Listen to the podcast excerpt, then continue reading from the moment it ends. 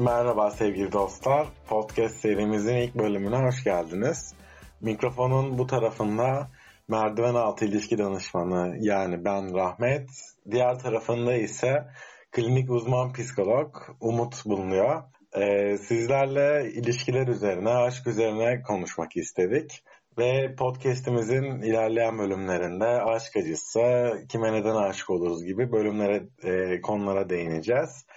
Ee, öncelikle Umut'a söz vereyim. Umut kendini anlatsın biraz. Aşk nedir, ne değildir? Biraz bunlardan bahsetsin. Ben halk olarak yani sizden biri olarak, acı çekenler olarak aklımızdaki soruları soracağım. Ee, Umut ise bu sorulara cevaplar verecek. Merhaba Umut, nasılsın? Ee, merhaba Rahmet. İyiyim. Teşekkür ederim. ben de iyiyim. Bugün New Jersey stüdyolarından katılıyor gibi bir ses tonum var. Ee, açıkçası heyecanlı olduğunu düşünüyorum. Çünkü ben de çok heyecanlıyım. Hepimizin yarası olan e, aşk konusunu konuşmak beni biraz heyecanlandırıyor. Ne yalan söyleyeyim. Evet. Çünkü hepimiz belli bir yaşa gelene kadar işte 20 yaşında da olsak, 40 yaşında da olsak aşk acısı çekiyoruz. Hatta belki bazen uyuyamadığımız, ağladığımız günler de oluyor. Hepimiz çekiyor muyuz sence? Aşık olmayan insan yok mu? Yani bence yok. Çünkü aşk, ben aşkın açıkçası üreme yani insanların soyunu devam ettirebilmek için e, vücudun ürettiği hormonlardan kaynaklanan bir şey olduğunu düşünüyorum. Evet. E, yani insanlar soyunu devam ettirmek için ilk çağlardan genlerimize kazınan bir genetik bu ve bundan dolayı işte adrenalin salgılanıyor. Atıyorum güzel bir kız görüyoruz, yakışıklı bir erkek görüyoruz ve diyoruz ki ben bununla çiftleşip çocuklarımı doğurtmalıyım veya doğurmalıyım ki soyum devam etsin. Evet. Bence bu oluşturuyor. Senin bu konu hakkındaki fikrin ne? Ee, benim bu konu hakkında fikirlerim biraz daha farklı. Ben senden biraz daha romantik bakıyorum aslında aşka. Ee, sen biraz daha mekanik bakıyorsun öyle düşünüyorum Ya ama mekanik demeyelim de Ee, ben, ben biraz daha bilimsel bakıyor gibiyim mekanikten ziyade. evet. Ee, yani şöyle söyleyeyim, senin söylediklerini kabul etmiyor değilim, kabul ediyorum. Ee, evet, e, aslında bilimsel araştırmalarla da senin söylediğin şey kanıtlanmış yani ilk şey fiziksel çekim. Ama e, şöyle düşünüyorum, her güzel kadına ya da her güzel erkeğe çekim duymuyoruz. Yani bu olay sadece fiziksel çekimle açıklanamaz bence. Yani e, başka psikolojik faktörler de var. Hı hı. Ee, bunlar hakkında bir şeyler söyleyebilir misin? Yani psikolojik faktörlerden kastım yani şöyle Hı. e, ya ben hep bilimsel yaklaşıyorum bu konuya. Çünkü Psikolojide bir bilim, bunu unutmuyorsun değil mi? efendim Psikolojinin bir bilim olduğunu unutmuyorsun ama değil mi? psikoloji tabii ki de bilim ama şimdi aşk bir bilim midir? Ben de sana o zaman böyle bir soru sorayım. Aşk bilim midir yoksa duygu mudur? Aşk bir duygudur. Ee, ama duyguları bilimsel olarak açıklayabiliriz. Ee, psikolojide bir bilimdir ve duygularla ve davranışlarla ilgilenen bir bilim dalıdır. Dolayısıyla bunun sebeplerini e, psikoloji bilimiyle açıklayabiliriz. Ama sen biraz daha evrimsel yönden bakıyorsun ve e, biraz daha mekanik bakıyorsun. Yani öyle düşünüyorum açıkçası ben. Çünkü e, ya evet çok çok eski zamanlarda büyük büyük dedelerimiz işte e, büyük büyük annelerimiz de senin dediğin gibi yaklaşıyorlardı. Evet bu bize aktarılan bir gen olabilir. Buna Evet. da katılıyorum. Ama artık e, beynimiz de evrildi. Yani artık sadece işte muz yiyelim, seks yapalım kafasında değiliz. Dolayısıyla e, daha farklı faktörler var. E, bunlardan bahsedelim o zaman. Peki Sen ben şey söylemeyeceksin anladığım Ee, kadarıyla. şunu sormak istiyorum sana. Aha. Şimdi dedin ya evet ilk çağlarda atalarımız e, muz yiyelim, seks yapalım, avlanalım e, şeklinde yaşıyorlardı. Hı Ya hı. o zamanlar e, belki bu kadar e, insanlar aşk hızlı değildi yani. İnsanın aşk hayatı diyeyim buna. Bir genelleme yapayım. Ya şu an elimizin altında Tinder var, Instagram var. İşte onlarca dating uygulaması var. Ve sadece bir Tamam. parmak hareketiyle e, birini görüp beğenebiliyoruz ve bu bizi bence aç gözle itiyor. Ya yani itiyor bence. e, ama buradan insanlar birini gördüğü zaman bu şekilde aşık oluyor. Yani şu, şu an günümüz sanki o aradaki evrim sürecini geçirmiş ve yeniden başa dönmüşüz gibi düşünüyorum ben. Yani önümüzde bir sürü seçenek var ve güzel gördüğümüzde aşık oluyoruz. İlk güzel gördüğümüzden etkileniyoruz. Ben Hı-hı. tamamen biraz da bu şu an çağımızın hızlı yaşamının getirdiği bir şey olduğunu düşünüyorum bunu. Bunu eklemek istedim sadece sana. Ee, başka söyleyecek bir şeyim yok. O yüzden sözü tekrardan sana bırakıyorum sevgili Umut. Yani söylediğin şeyde haklısın ama e, herkes o şekilde aşkı bulmuyor bence. E, yani en azından ben öyle bulmuyorum. E, yani onlar biraz daha ilkel beyinle hareket eden ve bence e, gerçek aşkı yaşamamış insanlar olduğunu düşünüyorum. E, dolayısıyla bence e, olay sadece fiziksel çekimi az önce de söylediğim gibi açıklanamaz. Haksızsın demiyorum. E, yani aslında aşk dediğimiz şey bence bize çocukluk acılarımızın e, benzerlerini e, yaşatacak kişilere duyduğumuz çekim. Yani bir yerde geçmişimizi kurcalamak demek. Tamam. Ee, Peki bu anne babayla şey. alakalı mı? Hani derler ya erkekler annesine benzeyen kadınlara aşık olur. Kadınlar babalarına Hı. benzeyen kadınlara aşık olur. Kastın bu mu? Ee, evet aslında bu bir klişe ama evet bu ama her zaman benzeyen değil. Yani o alanda o e, geçmiş yaşantılarda tam olarak ne yaşandığıyla alakalı. Bazen de tam zıttıyla. Yani aslında psikanalizde e, hepsinin e, her şeyin tam olarak bir cevabı var. E, o yüzden geç evet o acıların telafisini yapabilmek için geçmişte yaşadığımız çocukluk yaşantılarımızda hepimizin travmaları var ve e, geçmişte yaşadığımız e, yani annemiz, babamız yani o ilk aşkımızın e, bize yaşattığı e, acıları yaşatacak kişileri seçiyoruz ve bunu biz bilinç dışı olarak yapıyoruz. Yep. Yani aslında burada aklıma e, Candan Erçetin'in bir şarkısı geldi. E, sözleşmeden buluşu verir, kırık kalpler anlatılmaz ama oradadır bütün dertler diye bir e, sözü var. Aynen o şekilde yani sözleşmeden buluşuyor aslında kırık kalpler. Geçmiş acılarımızın telafisini yapmak için ama mümkün mü sence? Ee, yani şöyle sen o şarkıyı söyleyince benim de aklıma bir sevdiğim bir söz geldi. Ara ara sana da söylerim. Ya insan yarısı yarısına denk olanı sevebilir ancak diye. Ee, Şükrü Erbaş. Şükrü Erbaş değil. Ee, Ece Temel Kur'an'ın bir kitabında geçen bir söz.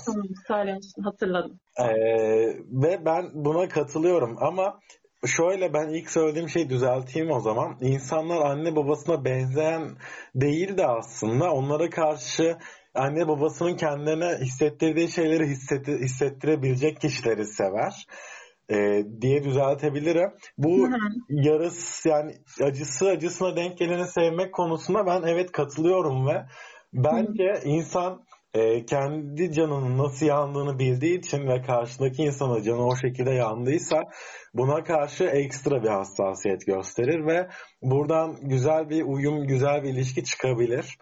Ama bu tam olarak aşık olur mu bundan emin değilim. Yani bu biraz aslında sanki işin içine mantık da giriyormuş gibi. Yani bu beni anlar, bu benim acımı görebilir.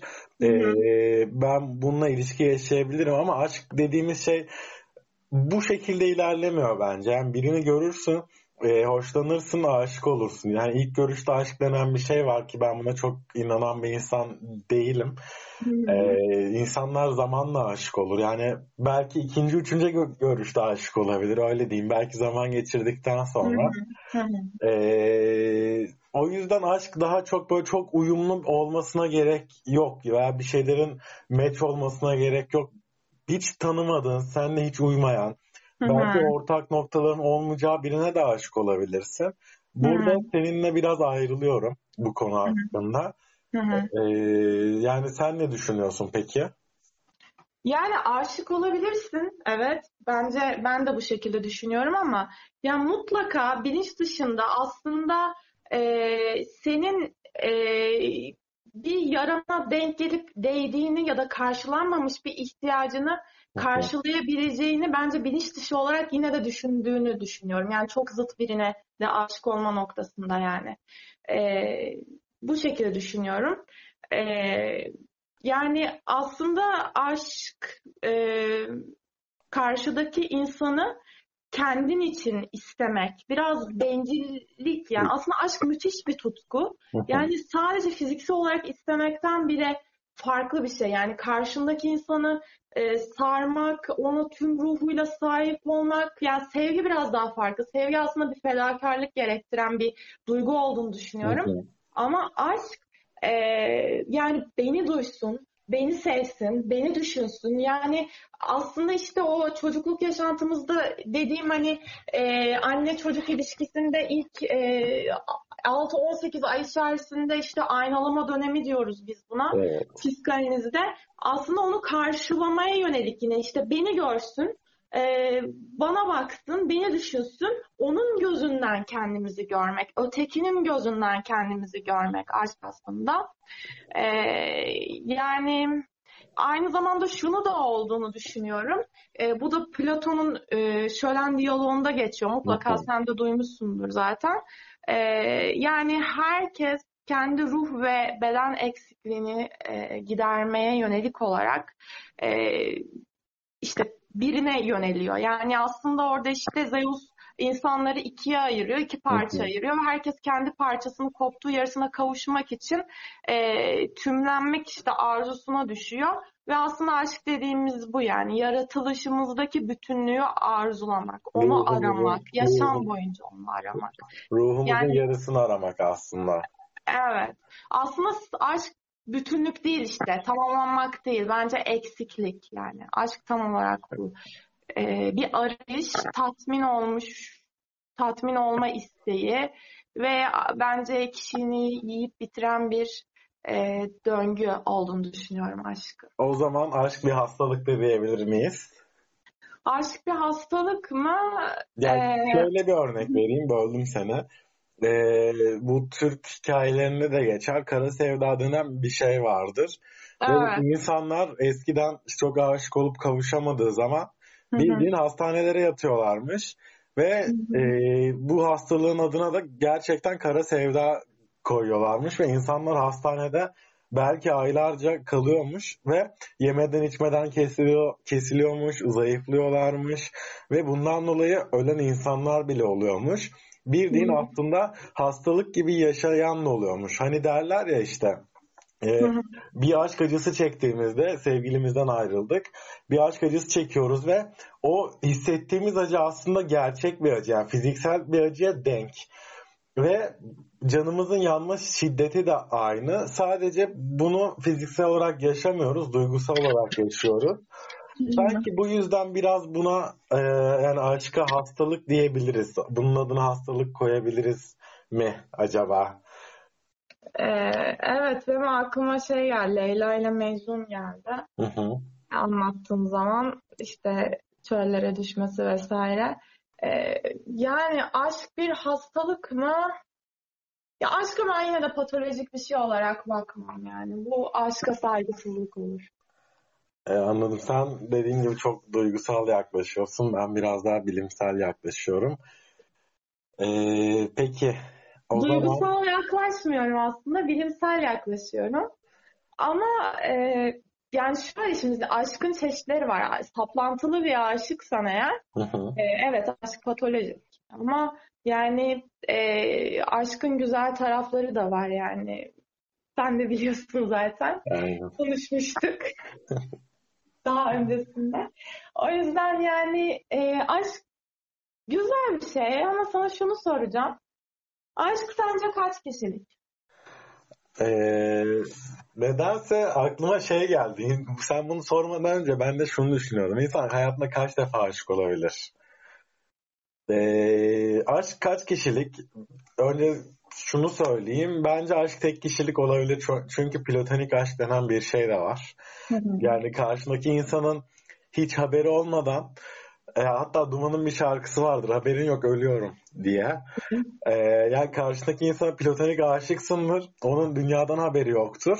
Ama sen orada acından ölüyorsundur. Sürekli triplerdesindir. Gece belki uyuyamıyorsundur. Sürekli depresifsindir. Sana gelirler işte abi derler neden bu kadar depresifsin. Sen de dersin ki işte ben aşığım ama onun haberi bile yok. Ve açılsa belki ona sevdiğini söylese sevdiği kişi bunun karşılık alamayacağını düşünür. Ve aşkını tek kişilik yaşar. Bence bundan dolayı aşk tek kişiliktir. Birine aşık olmak için karşısındaki insanın da onu sevip ona aşık olmasını gerektirmez.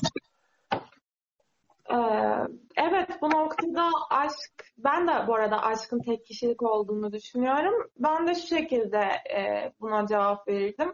Yani aslında e, az önce söylediğim gibi aşk e, aynadaki kendisini, insana aynadaki kendisini gösteren bir şey. Yani e, o yüzden de aşkın tek kişilik olduğunu düşünüyorum. E, bize kendimizi değerli, güçlü e, gösteren bir ayna olarak düşünüyorum aşık olduğumuz kişiyi. Ee, bunu tam olarak anlayamadım. Yani kendimizi güçlü gösteriyor derken ben aşkımın acısından ölüyorsam e, sevgilim beni terk etti ben orada acımdan ölüyorum. E, bu beni nasıl güçlü gösterebilir ki? Ben bildiğin e, eziyim, kaybedenim, loser'ım. Bunun da- Yani şöyle söyleyeyim, ayna olarak sürekli bir aynalanma ihtiyacı duyuyoruz. Aslında belki yanlış ifade ettim ama ya işte hep ben, ben, ben var. Yani beni güçlü buluyor mu? Beni alımlı buluyor mu? Beni güzel buluyor mu? Ya ayna ve aşk tek kişilik bu yüzden. Anlatabiliyor muyum? Anladım. Çünkü aşkta ben var yani genelde. Birazcık e, belki bencil bir yoğun tutku olduğunu söyleyebilirim. O zaman Benim aşk sevgi daha farklı. Sevgi fedakarlık içeren, paylaşma içeren bir şey. Ama e, aşk biraz daha farklı.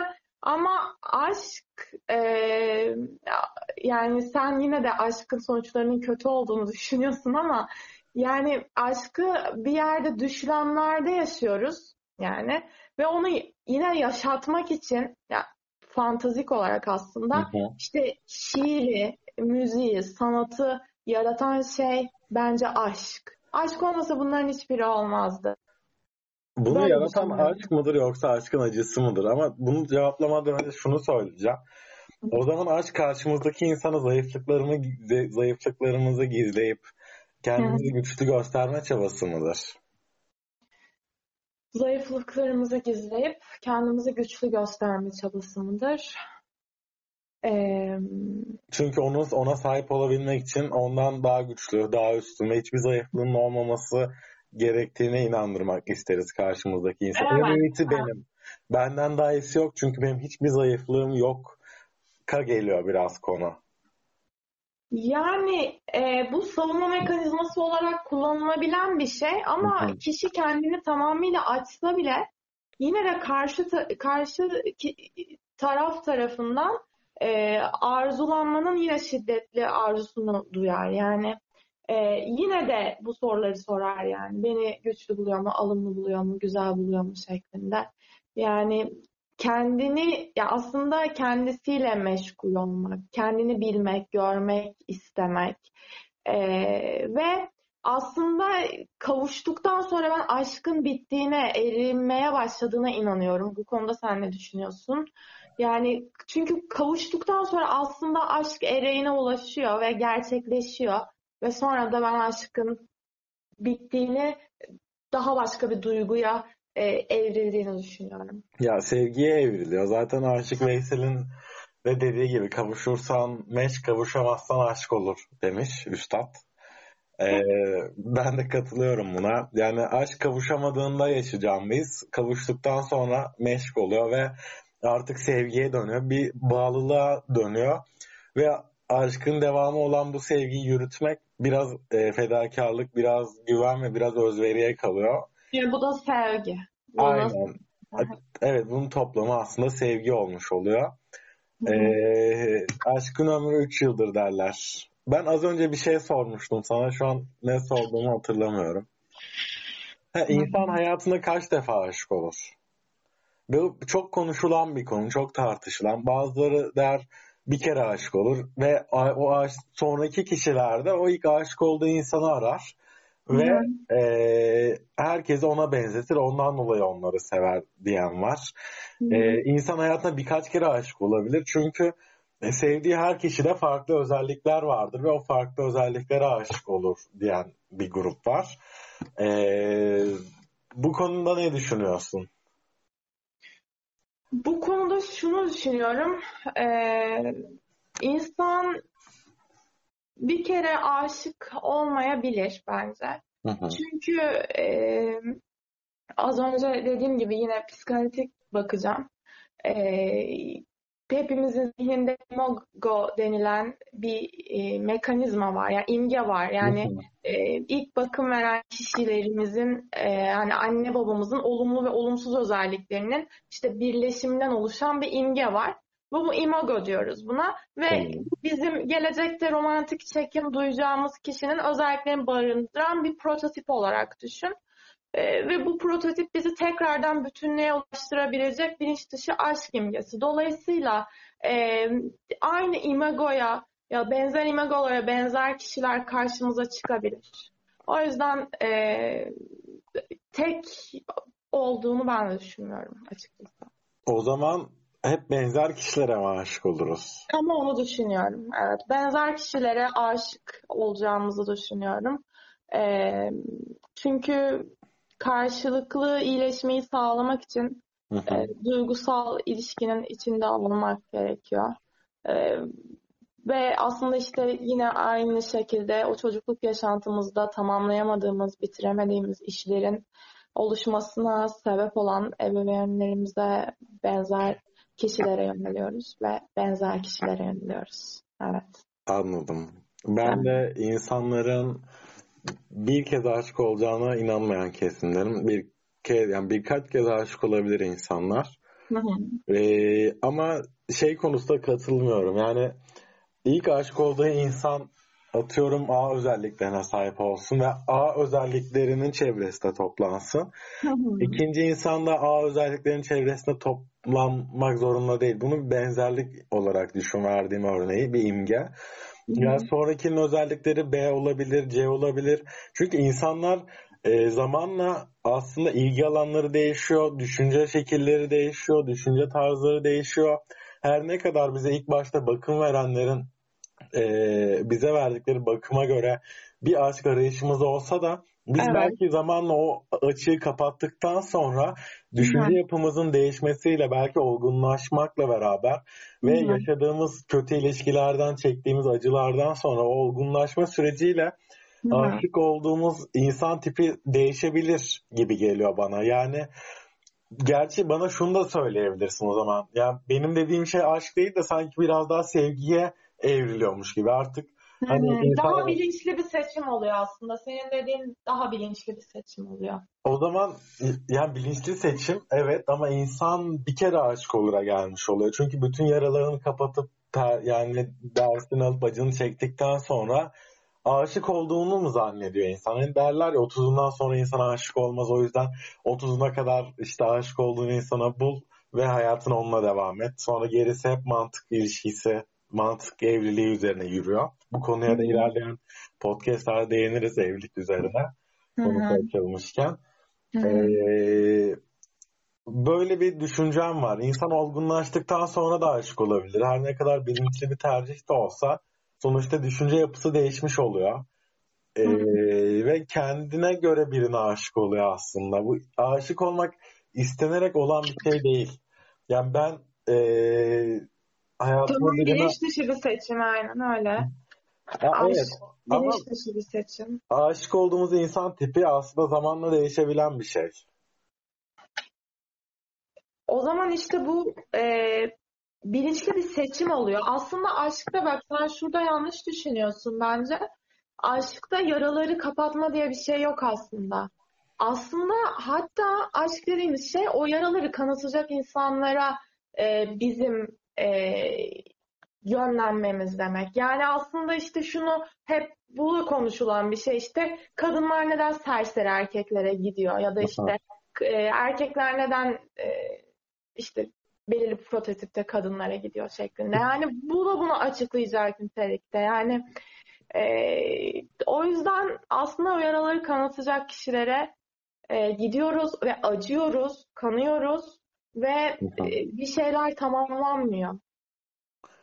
Ekşi Sözlük'te bir başlık vardır işte kadınların efendi erkek yerine e, serseri erkek tercihi ve bu sürekli gündemde olan bir başlık. Evet. evet. Ee, yani şöyle o zaman kadınlar e, yaralarını kanıtmay kanatmayacak kişilere aşık olmaz mı? Kadınlar değil, erkekler de aynı şekilde. Ya, tabii, yani evet. aşk bir hesaplaşma, geçmişle hesaplaşma aslında. Ve e, bunu bilinç dışı olarak yapıyoruz. Özetliyorum şu zamana kadar söylediklerimi. Ve maalesef ki tamamlanma arzusuyla, bak arzumuz o şekilde bilinç dışı arzumuz. Ama e, yine bizim geçmişteki gibi kanatacak insanlara gidiyoruz. Acıtacak insanlara gidiyoruz. Yani e, o şekilde. Aşk böyle bir şey.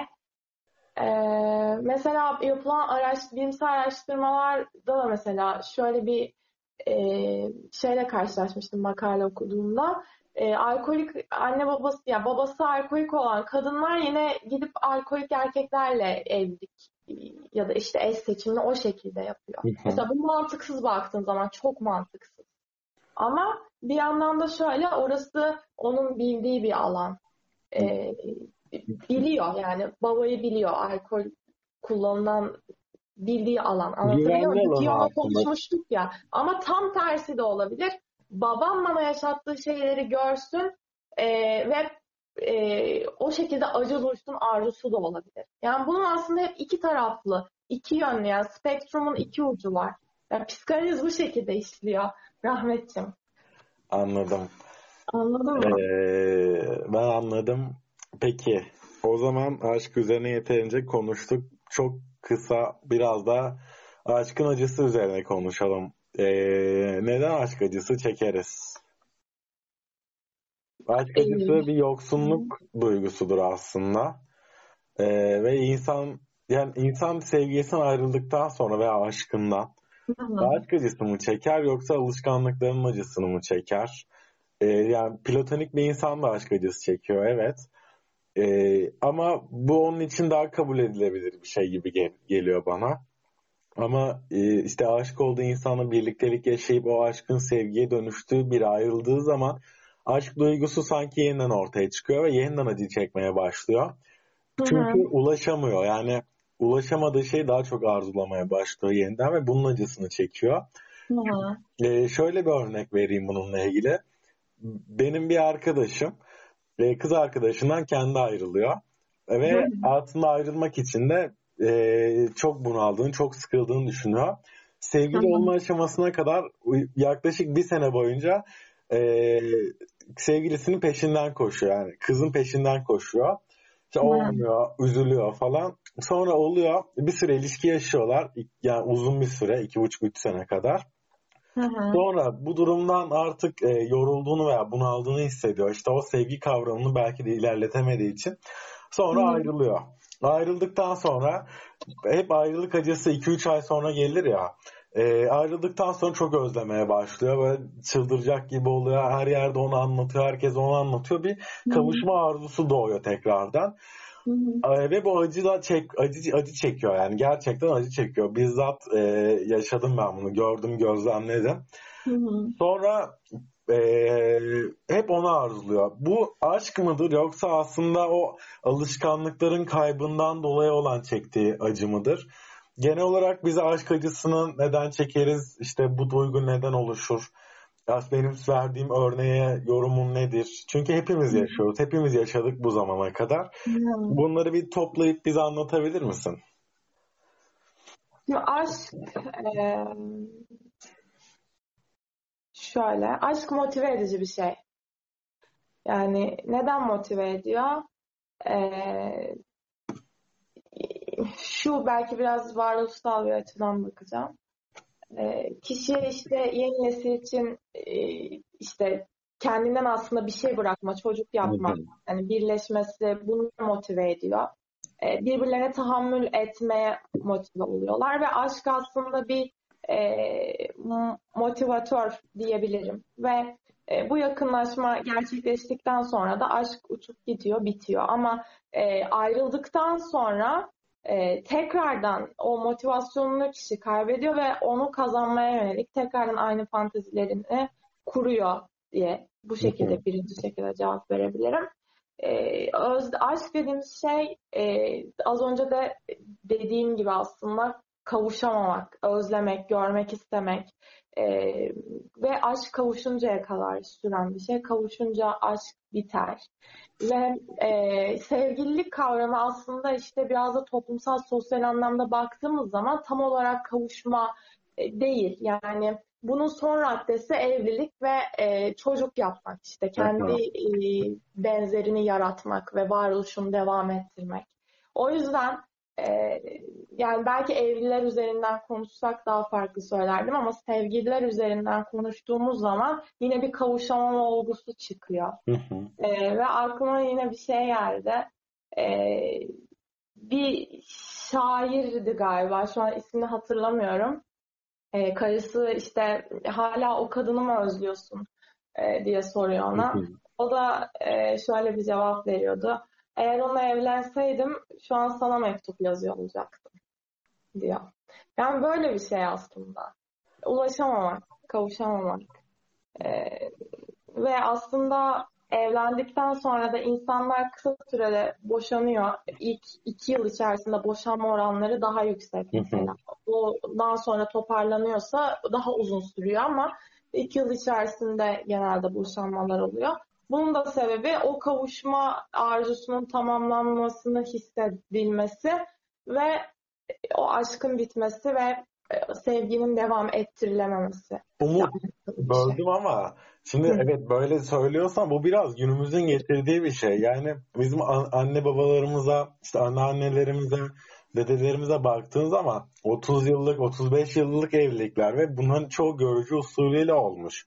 Birbirini, yani birbirini ilk kez düğünde gören ve o şekilde evlenen böyle benim dedelerim, yani tanıdığım dedeler, anneanneler falan var. Bu şekilde ilerliyor. Sanki senin dediğin o iki sene içindeki aşkın bitip e, boşanma sebebi parmağımızın altında hep birilerinin olması, hep bir seçenek olması gibi geliyor bana. Yani ben bunu bu çağın hastalığı olarak görüyorum. Yani Ve... görücü usulü çoğu zaman aşk değildir. O yüzden ben bu noktada katılmıyorum. Ee, aşk daha farklı bir şey. Yani aşk kör olmak, bilişsel körlük, karşıdaki insanı sürekli yüceltmek e, ve daha sonrasında işte evlendikten sonra artık biraz daha gerçekleri görmeye başlamak. Ya o zaman ama tam şunu düzeltebiliriz o zaman. Evli olan herkes aşık değil sonuç olarak. Aşık olarak evlenmiyor. Tabii evet. Yani bu şekilde bir düzeltme yaparsak dinleyicilerimiz için de e, daha açıklayıcı olur. Evet. Bence bir şekilde. Evlenen herkes aşk evliliği yapmıyor. Aşk evliliği ya da işte mantık evliliği mi olma, aşk evliliği mi olma bu da ayrı bir konu tartışılacak ama e, senin az önce söylediğin şeye cevabım bu olurdu. Ee, anladım. Peki aşk acısı çekenlere ne tavsiye edersin? Aşk acısı çekenlere ne tavsiye ederim?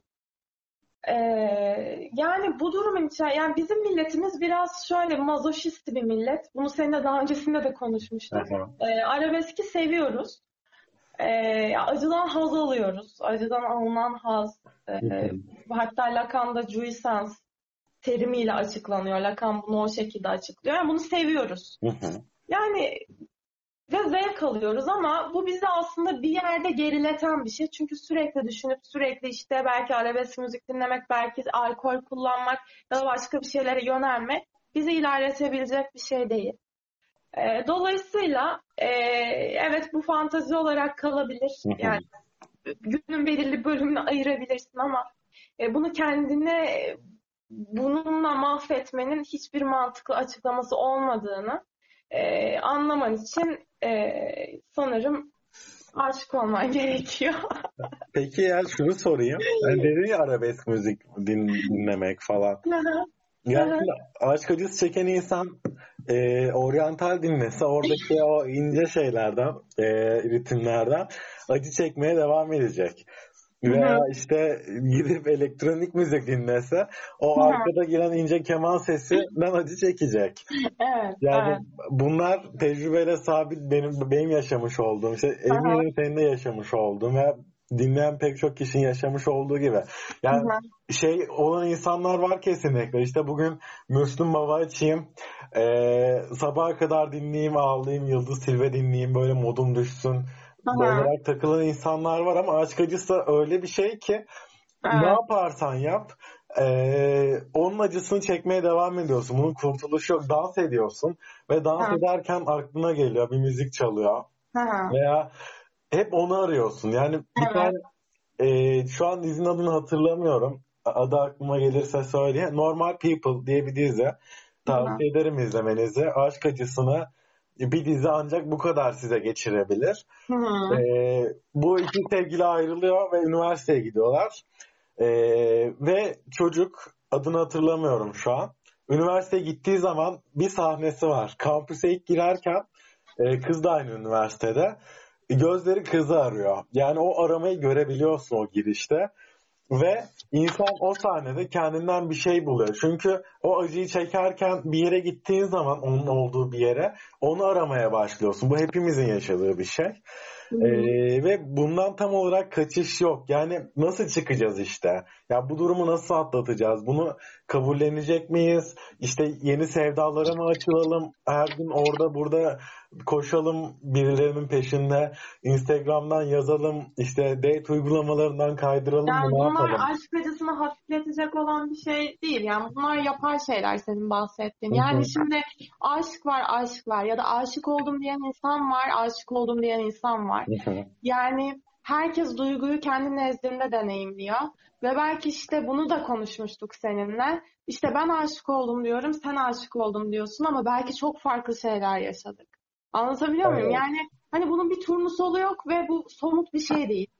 O yüzden e, yani gerçekten ben e, gerçekten aşık olan insanların öyle söyleyeyim. E, yani bu tabii bunu nasıl anlayacaksın ya da neye binaen söylüyorsun umut dersen Hı hı. e, ya bu çok yaşantısal bir şey, kişiye özgü bir şey. Ama e, ya insanın zaten kendine acı çektirme isteği var. Yani platonik aşkın da aslında bununla ilgisi var. Yani insanlar olarak biz acı çekmeyi de seviyoruz.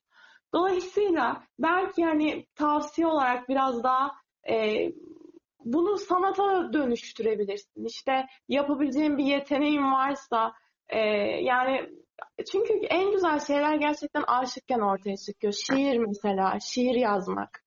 E, ben de kendimden örnek vereyim. E, yani ben aşık olduğum zamanlarda çok güzel şiirler yazabiliyorum. Hı hı. Ama e, normal zamanda öyle bir yeteneğim çok fazla olmadığını düşünüyorum. Yani e, bazı şeylerin de insanlar kendileriyle ilgili bence fark edebilir. E, yeteneklerin de farkına varabilir. E, dolayısıyla yani bununla baş etmek için hayat devam ediyor. Elbette ki. Yani depresif olmayı insanların kendilerinin seçtiğini düşünüyorum açıkçası. Çünkü bu ikinci kazanç sağlıyor bir yandan. Bunu da başka bir podcast'te konuşuruz. Yani öyle hani depresif olmamayı seçerek sonuçta insan bir yandan da bilinçli bir varlık, mantıklı bir varlık, düşünebilen bir varlık. O yüzden e, hayat devam ediyorsa hayata bir yandan da devam etmek gerekiyor gerçekten. Acı acı yaşanacak yani acı çekmemek diye bir şey yok zaten. İnsanlar zaten bence zaten acı çekmeli. Yani her zaman mutlu ya da huzurlu olamazsın. Kesinlikle. O şekilde düşünüyorum. O zaman podcast'imizin bu bölümüne şimdilik e, son verelim. Çünkü diğer podcast'lerimize de konuşacak konular kalsın. Aşk konuştukça bitmeyecek, azalmayacak. Acı anlattıkça geçmeyecek e, bir şey. Ne kadar çok anlatırsak anlatalım hatta bu acımızı daha çok arttırdığımızı düşünüyorum ben. Çünkü sürekli kendimizi hatırlatmış oluyoruz aslında. Ee, benim verebileceğim tavsiye kendi içinizde yaşayın. Yani acı kendi içinde yaşanılması gereken bir şey. Hep derler acı paylaştıkça azalır falan diye. Ben buna inanmıyorum. Ee, herkes kendi içinde yaşamalı ve e, bunu kendine İnsanlar o zaman neden psikoloğa geliyor Rahmet? Ee, güzel bir soru. Şundan dolayı insanlar psikoloğa çözüm bulmak için geliyor. Acısını yaşamak ve acısını dindirmek için gelmiyor. Yani şöyle acısına psikoloğun çözüm bulmasını istiyor. Ee, veya anlattığı arkadaşlarının çözüm bulmasını istiyor. Ama Hı hı. aslında çözümün ben kendi içimizde olduğunu düşünüyorum. Yani bir şeyleri kabullenmemiz gerekiyor. Bunu kendi başına kabullenemeyen ve acısını kendi içinde e, yenmeye o an gücü olmayan, hepimizin içinde bu güç var ama o an gücü olmayan insanlar daha çok anlatma eğiliminde. Ama Hı benim tavsiyem dediğim gibi acı anlattıkça sürekli hatırlanan bir şey. Hı hı. Ee, o yüzden içinizde yaşayın derim. Çok fazla insan anlatmayın ve aşk acısı çektiğiniz kişinin arkasından kötü konuşmayın hiçbir zaman. Hep iyi konuşun, hep iyi, kendinizi bu şekilde motive edin. Soğutmaya çalışmayın.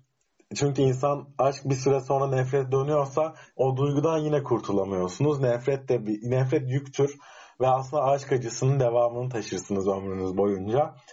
Ee, Aşkın karşıtı nefret değil, kayıtsızlıktır. Bu kimin sözüydü bilmiyorum. Rollo May olabilir. Doğru. Tam olarak karşıt. Yani kayıtsızlık bunu bence bu konuyu başka bir yerde irdeleyelim. Ee, çünkü yine çok derinleşecek ve biliyorum ki seninle bu konuda tam olarak anlaşamıyoruz. Ee, bir çatışma halindeyiz ve bu bir bölümü doldurabilir rahatlıkla. Ee, aşkın karşıtı diye bir bölüm yapabiliriz seninle. Ee, benim söyleyeceğim şeyler bunlar. Senin de yoksa e, sevgili dinleyicilerimizle e, bu bölümü sonlandıralım. Tamam ben son sözlerimi söyleyeceğim. Tabii. Sevgili dostlar, e, bizi dinlediğiniz için teşekkür ediyoruz. E, Türkçe lisan ettiysek affola. İlk, ilk podcastimiz.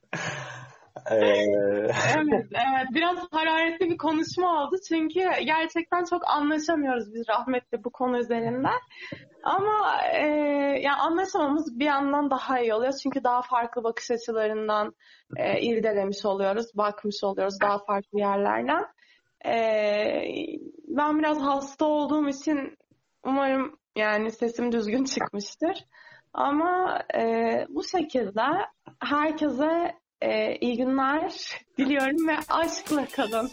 ve ne yaparsanız yapın, aşk ile yapın. bu şarkı da bizden size gelsin. Hoşça kalın. Görüşmek üzere. Yeni bölümlerde. Görüşürüz.